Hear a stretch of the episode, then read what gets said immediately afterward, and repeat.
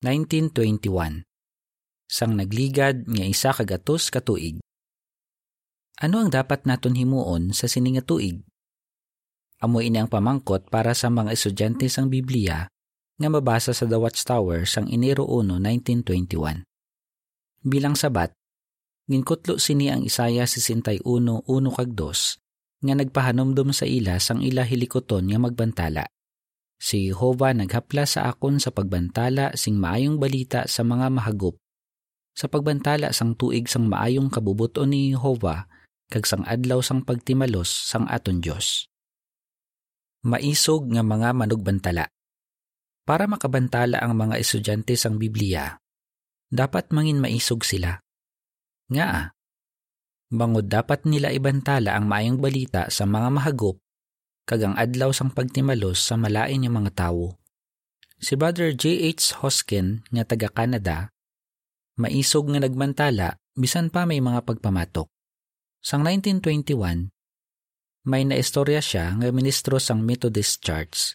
Si Brother Hoskin nagsiling, hindi naton kinahanglan magbais parte sa Biblia. Kag bisan pa hindi pareho ang aton pagpati sa pila ka topiko, wala man sing rason nga maglainay ang aton buot pero hindi amo sini ang natabo. Si Brother Hoskin nagsiling. Mga pila ka minuto pa lang kami nga nagaistoryahanay, ginsumbag niya dayon ang pertahan. Grabe gid kakusog sang iya pagsumbag nga abi ko mabuka ang kristal sini. Dayon nagsinggit ang ministro.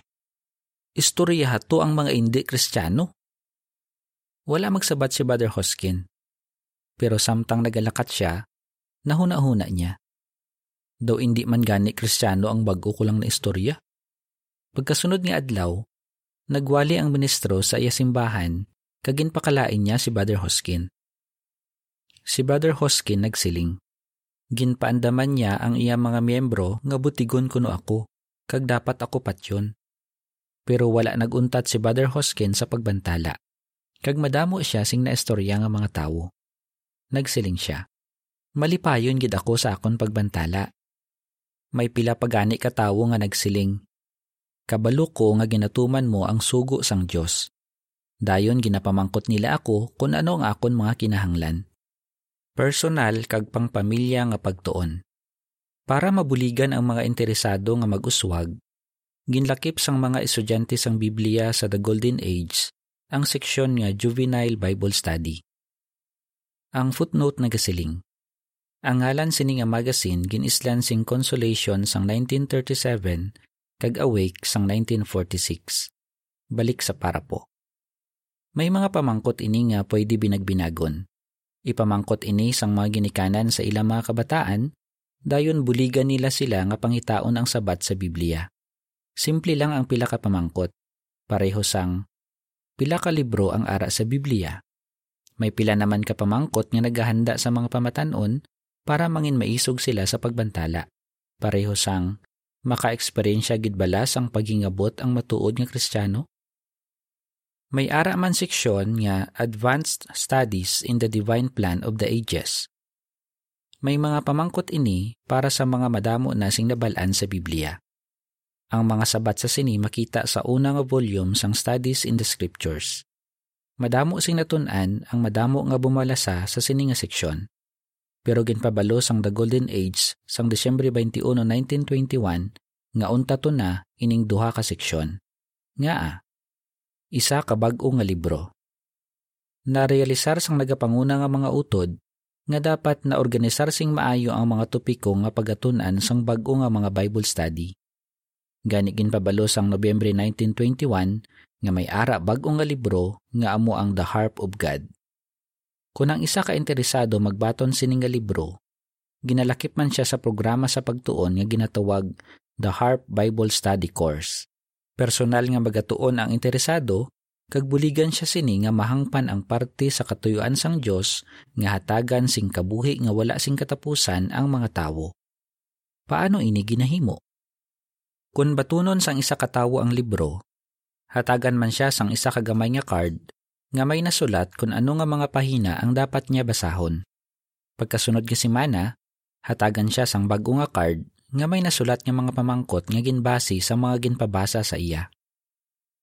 Nasulat man sa sini nga card kung ano naman nga mga pahina ang masunod niya nga basahon. Kada simana sa sulod sang dusi ka simana, makabaton siya sang bag-o nga card nga ginapadala sang kongregasyon nga malapit sa iya. Sa masami, ang mga nagapadala sang card amo ang mga kauturan nga tigulang na o kung hindi makahalin sa ilabalay. Halimbawa, si Anna K. Gardner nga taga Millville, Pennsylvania, USA nagsiling. Nabudlayan sa paglakat ang akon magulang nga si Tail pero sang ara na ang libro nga The Harp of God, masako gid siya sa pagbantala kada semana paagi sa pagpadala sang mga card nga may mga pamangkot. Kung matapos na sang isa ka interesado ang pagtuon sa sini nga paagi, kadtuan siya sang isa ka utod sa kongregasyon para tudloan siya parte sa Biblia. Ang dapat pahimuon. Sang manugtapos na ang tuig, nagpadala sing sulat si Brother J.F. Rutherford sa tanan nga kongregasyon. Nagsiling siya nga mas madamo nga tawo ang aton nabantalaan kag natudloan parte sa ginharian sa sini nga tuig sang sa nagligad nga mga tinuig. Dayon nagsiling siya. Madamo pa kita sang dapat himuon. Paligunan ninyo ang iban nga himuon man ining dalayawon nga hilikoton. Gintuman gid sang mga estudyante sang Biblia ang iya ginsiling. Sang 1922, mas nangin maisog pagid sila sa pagbantala parte sa ginharian. Ari ang duga nga impormasyon. Maisog nga mga abyan. Palangga sang mga estudyante sang Biblia ang ilang mga kauturan kag nagabuligay sila.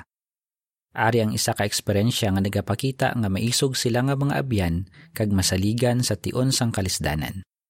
Hulubaton 17:17. Sang Martes, Mayo 31, 1921, ginpriso ang isa ka itom nga lalaki sa siyudad sang Tulsa, Oklahoma, USA ginakusahan siya nga ginhimuan niya kuno sing malain ang isa ka puti nga babayi.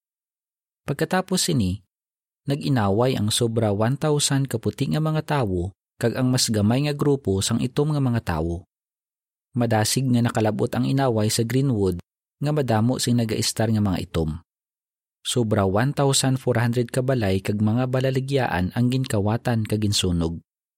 Suno sa opisyal nga report, 36 ang napatay pero posible nga mga 300 ang napatay. Ini nga hitabo gintawag sang ulihi nga Tulsa Race Massacre. Si Brother Richard J. Hill, nga isa ka itom nga estudyante sang Biblia kag nag-star sa Greenwood, nagsiling. Sang gabi nga naginamo, may meeting ang amon kongregasyon. Pagkatapos ang meeting, nabatian namon ang tiniruhay sa sentro sang Tulsa. Nagahigda na kami, pero sige gihapon ang tiniruhay. Pagka Miyerkules ang aga, Hunyo 1, naglala pagid ang sitwasyon. May pila ka tawo nga nagkadto sa amon kag nagsiling nga dapat kami magkadto sa convention hall para maamligan kami. Gani dali-dali nga nagkadto sa convention hall sang Tolsa si Brother Hill, ang iya asawa, kag ang ila lima ka kabataan. Mga 3,000 ka itom nga lalaki kag babayi ang ato didto kag ginaamligan sila sang National Guard. Mga soldado sila sang gobyerno nga ginpadala didto para mauntat ang ginamo. Sa amuman nga tion, nagpakita sang kaisog si Brother Arthur Klaus nga isa ka puti nga brother. Sang nabalitaan ko nga may mga tawo nga nagapangawat kag nagapangsunog sang mga balay sa Greenwood, nagdesisyon ako nga kadtuan ang akon pinalangga nga abyan nga si Brother Hill. Pag-abot niya sa balay ni Brother Hill, naabtan niya ang isa ka puti nga tawo nga may ginauyatan nga armas. Kaingod kag abyan ni Brother Hill ini nga tawo. Abi niya, isa man si Arthur sa mga nagapanggamo. Gani ginsinggitan niya siya. Nga aari ka di. Kung wala ko siya nakumbinsi sa akon sabat, siguro gintiro niya na ako. Siling ni Arthur. Ginpatag ko sa iya nga abyan ko si Brother Hill kag madamo nga beses na ako nga nakakadto sa iya balay. Ginamligan ni Arthur kag sang sining nga tawo ang propidad ni Brother Hill. Sang ulihi, nabalaan ni Arthur nga ara sa convention hall si Brother Hill kag ang iya pamilya. Ginsilingan si Arthur nga hindi pwede makagwa ang mga itom sa convention hall magluwas lang kung may sulat nga ginpirmahan ni General Barrett. Si Arthur nagsiling. Mabudlay gid nga makita kag maistorya ang general. Sang ginsugiran ko siya sang akon plano, ginpamangkot niya ako. Pwede bala nga ikaw na lang ang mag-amlig kag mag-atipan sa sininga pamilya? Siyempre, nalipay gid ako nga nagsabat sing hoo. Dali-dali dayon nga nagkadto si Arthur sa convention hall dala ang sulat. Ginhatag niya ini sa isa ka opisyal. Daw hindi makapati ang opisyal kag nagsiling siya. Baw, may perma ni General ba? Kabalo ka bala nga ikaw ang pinakauna nga may pagwaon sa sini nga lugar? Sang ulihi, nakita ni Arthur si Brother Hill kag ang iya pamilya. Nagsakay sila tanan sa salakyan ni Arthur kag nagpauli sila sa balay ni Brother Hill. Ginsigurado ni Brother Klaus nga naamligan si Brother Hill kag ang iya pamilya. Gindayaw sang iban ang kaisog ni Brother Klaus kag ang pagpalangga niya sa iya mga kauturan. Si Arthur nagsiling, nagdayaw gid sa mga saksi ni Jehovah ang kaingod ni Brother Hill nga nagbulig sa pagbantay sang iya propedad. Kag madamo nga tawo ang nangin interesado sa kamatuoran, bangod nakita nila nga nahiusa ang katawhan sang Dios bisan pa lain-lain ang ilarasa. Kag bilang katawhan sang Dios, alalangay ang aton pagtanaw sa isa kag isa. Diri natapos ang artikulo.